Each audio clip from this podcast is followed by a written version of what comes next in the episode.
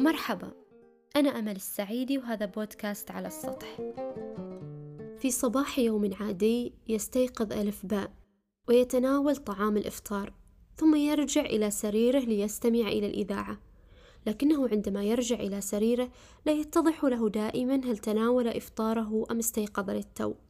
وغالبا ما يتناول إفطاره مجددا ثم يعود إلى سريره ليستمع إلى المزيد من برامج الإذاعة. وفي بعض الأيام كان يتناول الإفطار ثلاث مرات. مع مرور الوقت راح تفهموا سر افتتاح الحلقة الثالثة من على السطح بهذا المقطع. حلقتنا اليوم تستخدم المعجم الأقرب لقلبي محو اختفاء طمس تلاشي فقد خسارة موت نسيان الزوال التحلل التفسخ. كلها تجسد بالنسبة لي رغبتي الحقيقية في أني أصير غير موجودة بطريقة ما. أتذكر فرحتي الطفولية وأنا أتعرف للمرة الأولى على كلمة إمحاء وكأنها بتكون بمثابة تعويذة أستخدمها في النصوص اللي أكتبها في حالات المزاجية القاتمة اللي بالمناسبة هي كثيرة إذا ما كانت هذه حالتي دائما يعني. ترى متى يخسر الفقدان دلالته السلبية ويتحول إلى إقرار بالوجود؟ ومتى متى سنستقبل الغياب على أنه حضور منتظر؟ مباشرة لما أفكر بهذا أستدعي مقطع يومض في ذاكرتي من رواية الحب في زمن الكوليرا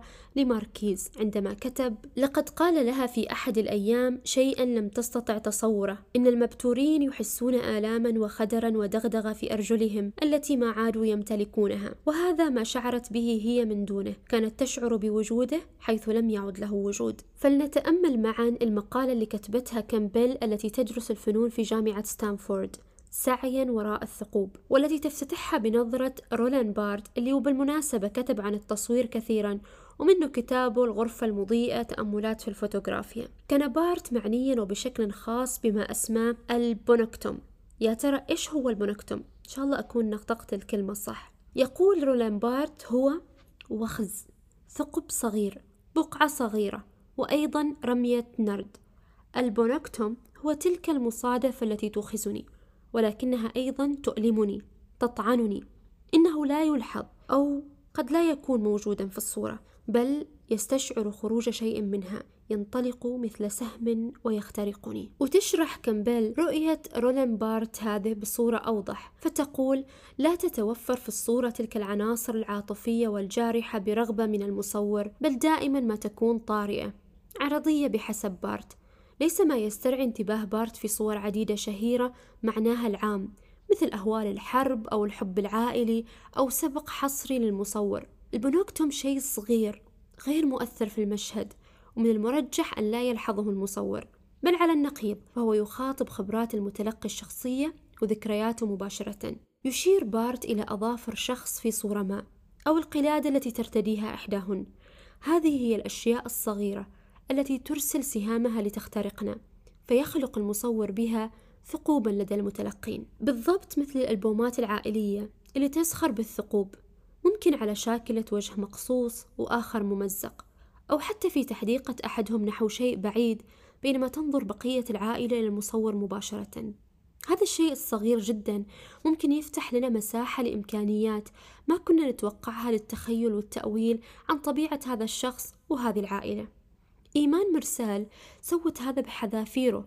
في فصل كيف تجد أمك في صورتها؟ الأمومة والفوتوغرافيا. في كتابها الأثير بالنسبة لي كيف تلتئم الأمومة وأشباحها؟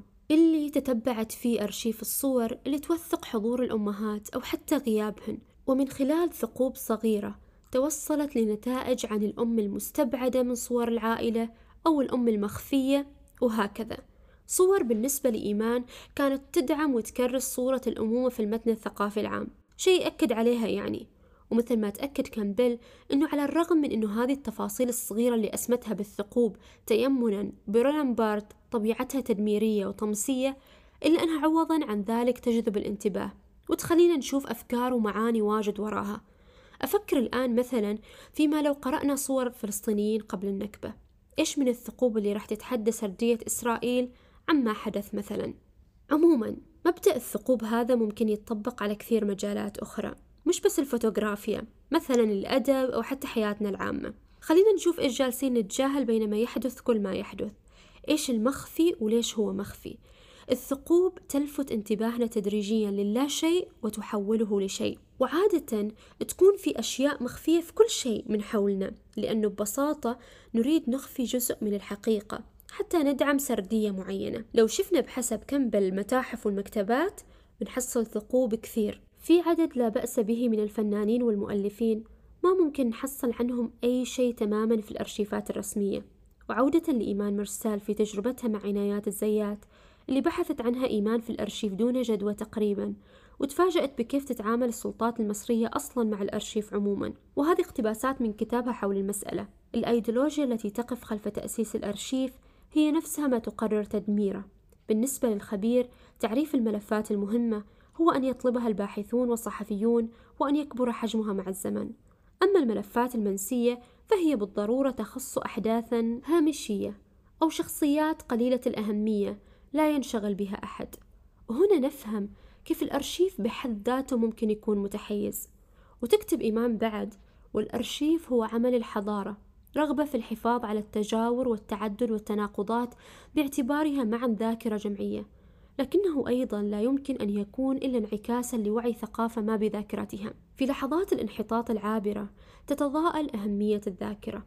يأتي خبير ليقيم ما هو مهم وما هو تافه من موقعه في هذه اللحظة المنحطة. وفي معرض حديثها عن الأزمة اللي مرت بها أثناء تتبعها لأثر عنايات الزيات في الأرشيف لصديقها الكاتب والشاعر ياسر عبد اللطيف أطلق ياسر وصف صفنت عنده إيمان كثيرا هو عدمية الأرشيف. تكتب إيمان. ولكنه استخدم تعبيرا ظل في بالي. قال هناك ما يمكن أن نسميه بعدمية الأرشيف. العدمية بالمعنى النيتشوي لحظة تاريخية تنحط فيها القيم ومن أقوى ملامح عدمية الأرشيف أن يكون غيابه المادي أو الاستهتار بالرجوع إليه رغم وجوده تصريحا بإعادة إنتاج ما قاله الآخرون إلى ما لا نهاية بدون اختبار بدون تساؤل. يسمون هذا الثقافة السمعية ولكني أعتقد أن أي تسمية لهذا الأداء يجب أن تتضمن صفة العدمية أو القنوط. هناك قنوط من البحث من المعرفة رأيته وغمرني ببؤسه وأنا أتتبع الأثر. في القرن الثامن عشر والتاسع عشر تجاهل الكتاب السود عن عمد المشاهد القاسية في أعمالهم هربا من وصفهم بالسعي وراء الإثارة أو بالانحياز اللي طبعا ينافي أخلاقية الصحافة اللي يا ترى من وضعها؟ البيض طبعا. توني ميرسون راحت تتبع الثقوب في هذه القصص وكتبت بناء على مجموعة من المعلومات الحقيقية وبعض التخمين باستطاعتك الانتقال إلى مكان لرؤية بقاياه المتروكة ومن ثم إعادة إنشاء العالم الذي تدل عليه تلك البقايا. إنما يجعل من هذه الممارسة عملا أدبيا يكمن في طبيعة التخيل نفسه في اتكالي على الصورة أو على بقاياها والذكرى لاكتشاف نوع من الحقيقة. فورا وأثناء كتابة الفقرة أعلاه رجعت بنفسي لعام 2012 وأنا أقضي معظم وقتي في مكتبة الشيخ جابر. وكانت أنذاك المكتبة الرئيسية في جامعة الكويت. المكان اللي حصلت منه على درجة البكالوريوس. وقتها كنت أفرد أقدامي على الطاولة أمامي وأقرأ من كتب ركن الأدب اللي تقدروا تتخيلوا كيف كان فاضي. تعثرت بكتاب اسمه اللهو في العتمة لتوني ميرسون نفسها. هذا كتاب أقدر أسميه اليوم إنه كتاب الثقوب بجد وحق وحقيق مثل ما يقولوا. اللي سوته ميرسون في هذا الكتاب إنها جابت روايات حديثة لكتاب بيض.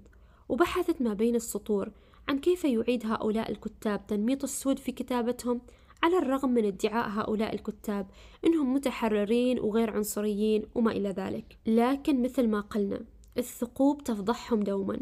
كانت هذه المرة الأولى اللي أتعرف فيها على كيف ممكن يكون العمل النقدي عمل فني وأدبي بحد ذاته.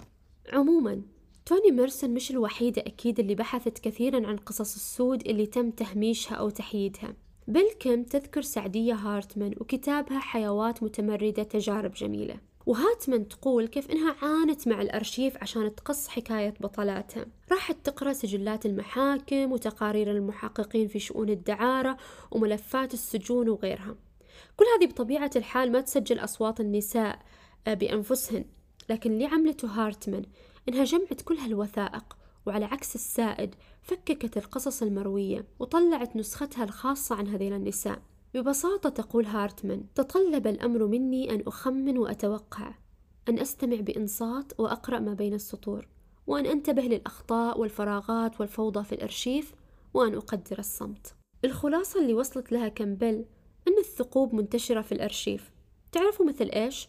مثل انتشار الماء حول السمك حتى نسي ماهية الماء من شدة الاعتياد. الثقوب اللي موجودة في الأرشيف هي منارة تدعونا للبحث عن المطمور والهامشي واللي واجد سلطات ما تريدنا نعرفه أو حتى نتعامل معه. نقدر نقول إنه حلقة اليوم هي أنتي أرشيف أو ضد الأرشيف الرسمي بكافة أشكاله. وبطلة هذه الحلقة كاتبة ألمانية كتبت كتاب في غاية العذوبة والجمال اسمه فهرس بعض الخسارات. تتبع من خلال كتابها هذا أشياء فقدت أو اختفت للأبد وتعيد إحيائها.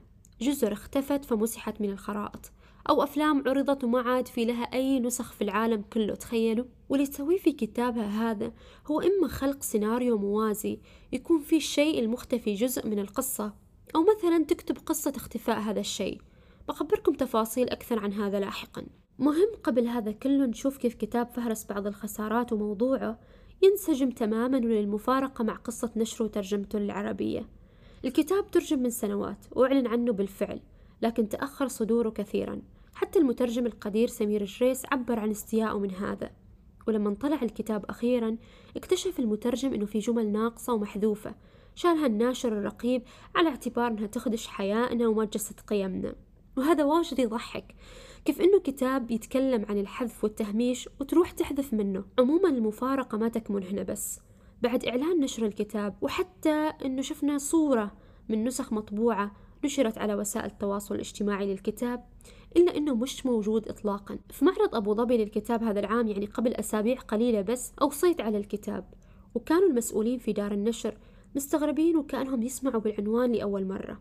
وكل واحد منهم ينقل الأمر لزميله وصولا للمسؤولة عن الكتب المنشورة أو هم قالوا لي هالمسؤولة. اللي قالت ما عندنا هالعنوان. وبعد ما شافت إلحاحنا على أنه منشور عندهم قالت ربما يكون منشور على أمازون كنسخة إلكترونية فقط. عموما يلا نبدأ لأنه ترى بعد ما بلشنا. ما تحاول أن تفعله يوديت شالانسكي في كتابها فهرس بعض الخسارات هو فحص سياسات الذاكرة والأرشيف وهي بذلك لا تتجاهل أي شيء. أو ممكن نقول تريد أن تحيط بالثقوب اللي تكلمنا عنها قبل شوي الأشياء الصغيرة. ومن خلال أسلوبها لا من خلال تصريحها بذلك نستعيد سؤال واجد مهم. هل في حدود فاصلة بالفعل بين اللي اختفى من الذاكرة أو بقى فيها؟ هل يتوقف تأثير الأشياء وحضورها بمجرد أنها تختفي أو تنقرض؟ تعتمد شلانسكي على أشكال عديدة في سردها هذا. الرحلة الأنثروبولوجيا التخيل الأدبي والسيرة الذاتية وكتابها بذلك يتحدى النوع أو الجنس الأدبي. والكتاب يعتمد على التحلل والزوال كلاعب محوري في تقديم 12 قصة مختلفة عن مفقودات أو قصص اختفاء في محاولة من شلانسكي لمواجهة موت هذه الأشياء وفنائها فتكتب في مقدمة الكتاب هذا الكتاب تلعب فيه ظاهرة التحلل والدمار بأشكالها المتنوعة دورا محوريا. أدرك أنها لا تمثل سوى شكل واحد من الأشكال التي لا تحصى للتعامل مع الموت. وتقول أيضا كل شيء هو في الأصل نفاية. كل مبنى هو دائما أطلال وكل إبداع ليس سوى تدمير. ينطبق هذا أيضا على ثمرات كل العلوم والمؤسسات التي تفتخر بأنها تحفظ إرث البشرية. حتى علم الآثار ليس إلا شكل من أشكال التخريب مهما ادعى أنه يحفر برفق للكشف عن طبقات الحقب الماضية. أما الأرشيف والمتاحف والمكتبات وحدائق الحيوان والمحميات الطبيعية فهي ليست إلا مدافن منظمة وليس من النادر أن تكون محتوياتها منتزعة من دورة الحاضر لكي توضع جانبا نعم حتى يمكن نسيانها. مثل تلك الأحداث والشخصيات التاريخية التي خلدتها نصب تذكارية تملأ فضاء المدن. من خلال هالكتابة نقدر نفهم موقف شلانسكي من الأرشيف وتعبر عن هذا بوضوح عندما تكتب. قد تكون الأمنية وراء تأسيس أي أرشيف هي الاحتفاظ بكل شيء مثل ما كان في فلك نوح. المثل الأعلى للأرشيف وهكذا فإن كل تلك الأفكار الجذابة بلا شك مثلا تحويل قارة مثل القارة القطبية الجنوبية أنتاركتيكا أو حتى القمر إلى متحف للأرض إلى متحف مركزي وديمقراطي يعرض كل المنتجات الثقافية بشكل متكافئ ليست سوى أفكار سلطوية ومحكوم عليها بالفشل.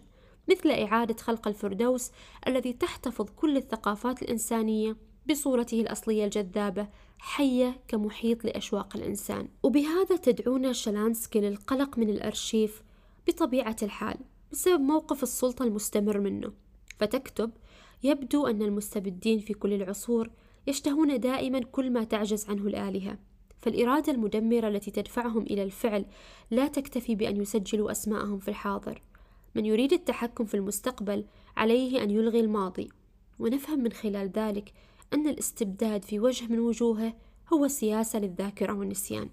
وواحدة من أوجه هذا الاستبداد هي محاولة إقناعنا بأن التاريخ يتقدم وعلينا أن نسأل لصالح من نعتبر أن هنالك تغيرا في التاريخ نحو الأمام.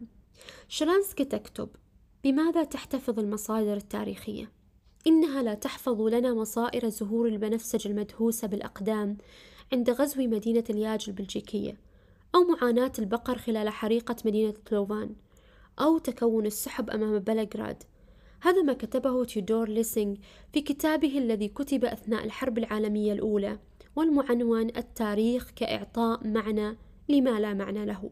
وفيه يفضح كافة المحاولات التاريخية لكتابة تاريخ يسير قدما إلى الأمام على نحو عقلاني معتبرا أنها تمنح بأثر رجعي شكلا لشيء بلا شكل عبر مجموعة من الحكايات تتناول البدايات والنهايات والصعود والهبوط والازدهار والذبول متبعة في ذلك قواعد سردية في أغلب الأحيان. ما زال الإيمان التنويري بالتقدم يؤثر فينا من دون انقطاع تقريبا. رغم أن قوانين التطور أظهرت أن المسؤول عن الاستمرارية في عصر معين هو بالأحرى مزيج معقد على نحو مذهل من المصادفة والتأقلم. وربما يعود استمرار ذلك الإيمان إلى جاذبية فكرة بسيطة مثل فكرة الخط الزمني التاريخي الطامح إلى التقدم. إن تصور وجود تطور لا ينقطع لهو تصور ساذج لكنه آسر وهو يجعل الفائدة الوحيدة للماضي هي أن يكون صريعا للجديد. وأن نتخيل التاريخ سواء كان تاريخ حياة الشخص نفسه أو تاريخ أمة أو الجنس البشري باعتباره تقدما حتميا أو على كل حال كمسيرة تقدم لا تعرف المصادفة. لكن من الثابت أن التسلسل الزمني ومنح رقم متسلسل لكل وارد جديد مثل ما تفعل أي موظفة أرشيف هو نظام عاجز ويمثل أحد أكثر مبادئ التنظيم مللا لأنه يتظاهر بوجود نظام فحسب. يكتب جون سكانلان في كتابه الذاكرة لقاءات مع الغريب والمألوف عن بول ريكور إصراره على وجود شقة معرفية ما بين الذاكرة والتاريخ.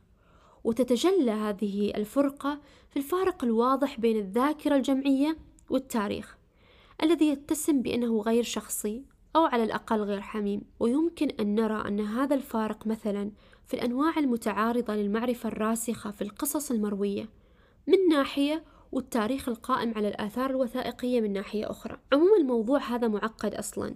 إيش هو التاريخ وكيف يكتب ومتى يكون موضوعي وكيف صار يعتمد على السرد والتأويل وغيره؟ ويحتاج له حلقة منفصلة. بس اسمعوا معي هالفقرة لسكانلان إعادة التخيل تطمس إمكانية المعرفة الموضوعية للماضي لكن من ناحية أخرى فإن النظر إلى تقدم التاريخ وأعني تاريخ التاريخ يقتضي بالتأكيد كما يكتب لوغوف النظر إلى تعقيدات فكرة ما مثل الموضوعية. وبدلا من ذلك فإن ما يبدو أكثر وضوحا وأكثر تمييزا هو مركزية الشخص الذي يقدم على فعل النظر وينتج بفعل ذلك سلسلة من القراءات الجديدة للماضي تعج بحالات الفقد والانبعاث وفجوات الذاكرة وإعادة النظر فيها. لكن هل تريدنا شلانسكي ألا ننسى أن نقف عند الماضي ونرثيه؟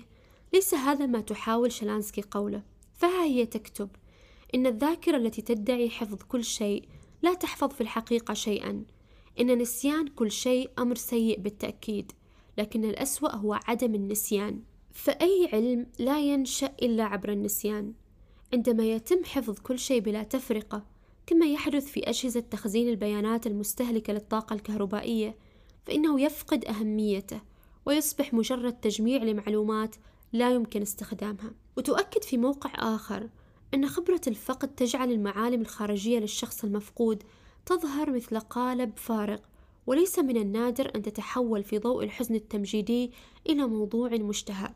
أو كما قال أحد أساتذة علم الحيوان من هايدلبرغ في مقدمة أحد مجلدات مكتبة بريم الجديدة يبدو أن من صفات الإنسان الغربي وهي صفة لا يمكن فهمها بالعقل أن يضع المفقود على درجة أعلى من الموجود. من دون تلك الصفة لا يمكن تفسير الانبهار الغريب بالذئب التسماني المنقرض. بالضبط كل هذا يتفق إحساس بنيامين بأنه ثمة شذرات وأطلال وأشياء صغيرة. تمثل مفتاح لحقائق أكثر. وبهذا ما تكتبه شالانسكي يتفق مع فكرة جوهرية في كتاب الذاكرة لجون سكانلان اللي ذكرناه قبل شوي. إذا نظرنا للنسيان المتعمد على اعتبار أنه مكون للذاكرة بطريقة ما أيضا. فلنستمع لهذه الكتابة من الفصل المكتوب عن غزليات صافو وسلطة الحذف. إن من يتوقف عن الكلام من يشرع في التلعثم أو اللجلجة أو من يخرس تماما فإنما يفعل ذلك لأن عواطفه قد غلبت. وأمام عظمة هذه الأحاسيس لا يمكن للغة سوى أن تعجز. العلامات التي تشير إلى الحذف تفتح في كل نص مملكة كبيرة مجهولة من المشاعر التي لا يمكن التعبير عنها باللغة إلا لو استسلمت تلك المشاعر أمام الكلمات المتاحة. نعلم أن الرسائل التي كتبتها إيميلي ديكنسون إلى سوزان جيلبرت صديقتها وزوجة أخيها. فيما بعد لم تنشر إلا بعد أن قامت مارثا ابنة أخيها جيلبرت بحذف سلسلة من المقاطع الغرامية دون أن تشير إلى ذلك. إحدى تلك الجمل التي وقعت ضحية الرقابة كتبت في رسالة بتاريخ 11 يونيو 1852 وتقول فيها لو كنت هنا. آه لو كنت هنا يا سوزتي. فلن نحتاج إلى كلمات. عيوننا سوف تهمس لنا وبيدك الممسكة بيدي لن نكون في حاجة إلى اللغة. مثل كل الكتب الأخرى فإن الدافع إلى كتابة هذا الكتاب هو الرغبة في ترك شيء باق الرغبة في إحياء الماضي واستدعاء المنسي وإتاحة الفرصة أمام الأخرس ليتكلم والبكاء على الضائع. لا يمكن استعارة شيء بالكتابة لكن المرء يختبر عبرها كل شيء ويتعرف عليه. وهكذا فإن هذا الكتاب يدور في الوقت نفسه حول البحث والاكتشاف عن الخسارة والمكسب. وهو يجعلنا نحدث أن الفرق بين الحضور والغياب ربما يكون هامشيا طالما بقيت الذكرى لبضع لحظات ثمينة خلال سنوات طويلة من العمل على هذا الكتاب بدا لي أن الفناء أمر لا مهرب منه. وكان ذلك معزيا مثلما تعزينا صورة لنسخ الكتاب المغبرة فوق الرفوف. ويمكن أن نختصر كل ما سبق في مقولة رائعة لشلانسكي كل ما هو موجود ليس ببساطة سوى ما تبقى ولم يفقد. أو مثل ما كتب سكانلان مرة أخرى الذاكرة بوصفها حالة من حالات الوجود تنطلق من الفقد. إنها رغبة شلانسكي إذن في إعادة بث الحياة في قائمة المفقودات التي تسردها لنا في الكتاب على الرغم من حتمية الانحلال. حتى أنه كتابها هذا وصف بأنه احتفاء فلسفي بالخسارة. فورا وأنا أقرأ كنت أفكر في زيبلد اللي كانت الحلقة الأولى من بودكاست على السطح عنه. زيبلد أصلا فضولي وشغوف بالأماكن المهجورة. وما بس كذا عنده كتاب اسمه التاريخ الطبيعي للتدمير. ولما خلصت قراءة كتاب فهرس بعض الخسارات بطبيعة الحال اكتشفت إنه ما واحد إلا لما حل التقط تأثير زيبلد على شلانسكي أو تشبيه هبه يتناول زيبلد مثلا معالجة الكتاب لموضوع الإبادة الجماعية ويقول أن كتاب عددهم بسيط اللي قدروا يتكلموا عن الدمار اللي ألحق بهم بسبب النازية والحرب العالمية الثانية. قل منهم بس قدر ينقل لنا حالة الإرهاب الحقيقية اللي عاشوها الضحايا بدون تنازل ولمدة عقود على اعتبار أنه ضحية لمرة واحدة هو ضحية باستمرار ودائما. أحد هؤلاء الكتاب كتب مثلا بعد 22 عاما ما زلت منبطحا على الأرض بسلاح مفكك كانت هذه الكتابة تقتنص التفاصيل المحسوسة ويعكسها الكاتب فورا بطريقة تكون قابلة للقياس لأن الذاكرة بالكاد تتحمل لحظات الرعب تلك ليش هذا مهم؟ زيبالد يقتبس المحلل النفسي ويليام نيدرلاند أن الضحايا وتحت وطأة ما تعرضوا له من اضطهاد يحاولونه بقوة إبعاد ما حدث لهم عن أذهانهم. وبالتالي يصبح كل ما تعرضوا آه، له حدث مثل الجزر المتفرقة في الذاكرة. وهذا ما يعني على الإطلاق أن النسيان ممكن. تعمل هذه التجارب الكارثية على زعزعة الزمن عند الضحايا. أحد الكتاب اللي يكتب عنهم زيبلد عانى كثيرا لأنه كان يعمل صحفي ويكسب لقمة عيشه من هذه المهنة. فكان مضطر أنه يصمت فيما يتعلق بحياته داخل معسكرات الإبادة النازية ويركز في عمله الصحفي شلانسكي تكتب أيضا بدورها إن جرائم الإبادة الجماعية على وجه خاص قد طرحت بشكل أكثر إلحاحا السؤال التالي إلى أي حد يمكن للمرء أن يختبر بنفسه الفقد؟ إن عددا ليس بالقليل من الأبناء والأحفاد يصلون إلى النتيجة المحبطة وإن كانت مفهومة وهي أن ما حدث يصعب تمثيله على أي نحو من الأنحاء. انتهى الاقتباس. واجد مهم بهذا الصدد قراءة كتاب جون سكانلان الذاكرة. يكتب مثلا ما الذي يدعونا إذا للقلق بشأن الذاكرة؟ بينما لا ينقصنا إلا إيجاد وسيلة لاستعادة بياناتها وقراءتها.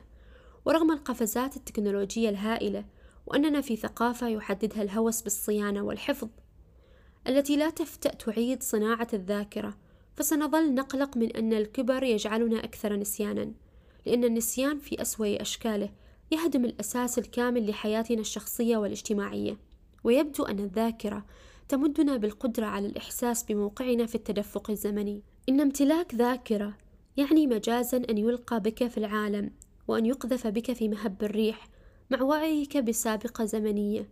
إن حياة كهذه أعني حياة تتكشف لك ماضيا ومستقبلا تتسم بتداخل وتشابك الزمانيات.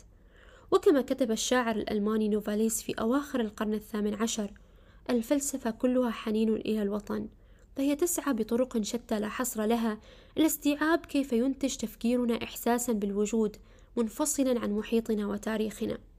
وعليه لم يكن التفكير الفلسفي كما وافقه نيتشه اكتشافا بقدر ما كان إدراكا وذكرى وعودة وطن كلي أصلي قصي للروح. وأتمنى تقدروا جهدي. هذا الاقتباس مش متواصل. وجمعته من كذا فصل من الكتاب. تبدأ افتتاحية كل فصل من فصول فهرس بعض الخسارات. 12 فصل في الكتاب بالإشارة لما تم فقدانه وكيف فقد. ويتبعها نثر يقدم حالة الفقد إن كانت عرضية أو مقصودة في قالب يتلائم وسياق ما فقد. قد نضيع في بعض الأحيان في كتابة غنائية للغاية داخل الغابة. حتى أننا نفقد ما, فق ما فقد أصلا ونحاول إيجاده هناك بين طبقات من السرد المدوخ الذي يتحدانا إذ تمتد علاقات تبدو غرائبية بالنسبة لنا بين الأشياء مثل بدلة الصبية الزرقاء مع فنانة سينمائية لم تحتفظ بنجوميتها مع تقدمها في العمر. نقرأ بصوتها خفوت شهرتها ونهايتها الوشيكة. ربما تحاول شلانسكي بذلك الهرب أو الفرار من المصير المحتم للشيء المفقود. نحس بهذه الحيرة الحلوة التي تجعلنا وبطريقة ما نشتبك مع هلاك العوالم التي تصفها لنا. تكتب شلانسكي عن جزيرة اختفت من الخرائط. انقراض النمر القزويني فيلا تحترق.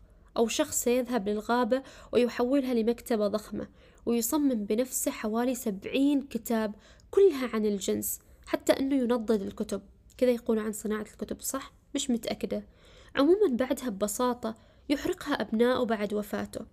أو كتب ماني المقدسة القديس الذي سيمثل بجثته واللي انتشرت بسبب المانوية في بلاد الرافدين أولا ثم منطقة البحر المتوسط ثم إلى أماكن أخرى من العالم. في افتتاحية الفصل الخاص بقصر الجمهورية في جمهورية ألمانيا الديمقراطية شعرت كما لو أنني أوخز بدأت أعمال هدم القصر عام 2009 وصهر حديده الصلب السويدي المستخدم في الأساسيات لاستخدامه في بناء برج خليفة في دبي. لأنني أعرف برج خليفة وبدا لي وهلة أنني أتخيل قصصا عديدة مرتبطة بهذا البرج منذ الأزمة الاقتصادية التي حدثت عام 2008 وصولا لبناء البرج أو الصور التي يلتقطها عمانيون لأنفسهم وهم في مصاعد البرج منذ لحظة افتتاحه كما لو أن ماسورا انفجرت في رأسي. لعل أهم وصف قرأته لما تفعله شلانسكي برفق هو التعامل مع الفراغ الناتج عن الأشياء المفقودة وكيف تؤثر على المجال الخاص إلا أنها في الوقت نفسه تقدم الأدلة التاريخية على التوازن بين الموت والبقاء وصولا إلى كيف نتكيف مع هذه الخسارات. طيب أنا فكرت إنه كيف ممكن نتعامل مع شيء منسي ومطمور في ثقافتنا. الأمر اللي أعادني لكتابة في الفصل السابع والعشرين من كتاب برندا الشعث الرائع جبل الرمل والذي تحكي فيه قصة عائلاتها عبر مدن عديدة منها القدس وبيروت والقاهرة. تتحدث عن بقايا سكة الحديد في غزة تلك التي تكاد تنسى أو لا تذكر. تقول رندا في أول زيارة لي إلى غزة بعد استقرار بابا في شقة على مشارف حي الرمال قررت البحث عن محطة قطار غزة. لفتت انتباهي بعض العلامات على الطريق إذ كانت تدل على وجود قطار ودائما بالقرب منها قطع صغيرة من حدائد السكة. توقفت لأصورها وحسنا فعلت لأنها كانت قد اختفت في زيارات لاحقة إلى غزة. استخدم جيش الاحتلال الإسرائيلي حديد السكة في سيناء وغزة لتحصين خط بارليف بقيت بعض الحدائد منسية متناثرة في قطاع غزة. في رحلة لبيارة برتقال لزيارة أقارب لنا ممن لم يتركوا غزة طوال فترة الاحتلال. لاحظت أن الأهالي استخدموا بعضا مما لم يسرقه الإسرائيليون لتعضيد أسوار بيوتهم. شرح لي مضيفنا أن المسامير الحديدية الطويلة كان لها سعر خاص لأنها أحسن ما يستخدم لتطعيم أشجار اللوز بالحديد اللازم لإثمارها وأنه حتى السبعينيات كان الأطفال يتسابقون من يجد بعضها مدفونا في الرمال. قال أقاربنا إن كل ما تبقى هو المبنى المخصص لإيواء القطار ومحطة كاملة في مدينة خان يونس. أما عن محطة غزة فأجمعوا أن لا أثر لها. قررت زيارة الجراج في اليوم التالي. انتهى الاقتباس. عموما كتاب شلانسكي الكل يتكلم عن تصميم الطبعة الأصلية منه ثم الإنجليزية. هي بنفسها صممته. مش بس كذا حتى الفصول كلها تقع في 16 صفحة تقريبا. مش متأكدة أنه هذا موجود في النسخة العربية. أما عن غلاف الكتاب فما أقول إلا الله يصبرنا على الناشر العربي. أخيرا كان بودي أكون قرأت كتب أحسها بتفرق معي في تناول هالكتب الرائعة. مثل ميلاد المتحف لتوني بينيت كتاب التفكير الكارثي الانقراض وقيمة التنوع للكاتب ديفيد سكيبوسكي أو حتى كتاب نهاية النسيان لكيت إيكورن وكلها مترجمة للعربية بالمناسبة لكن كلها مشاريع مؤجلة. الله أعلم متى راح ألاقي المزاج والوقت لقراءتها. أخيرا لا تنسوا تشوفوا مصادر الحلقة في الوصف. ولازم أشكر فاطمة الرواس اللي تتحمل أصوات بطني اللي ما تتوقف أثناء مونتاج وتنفيذ هالحلقة. ألقاكم على خير.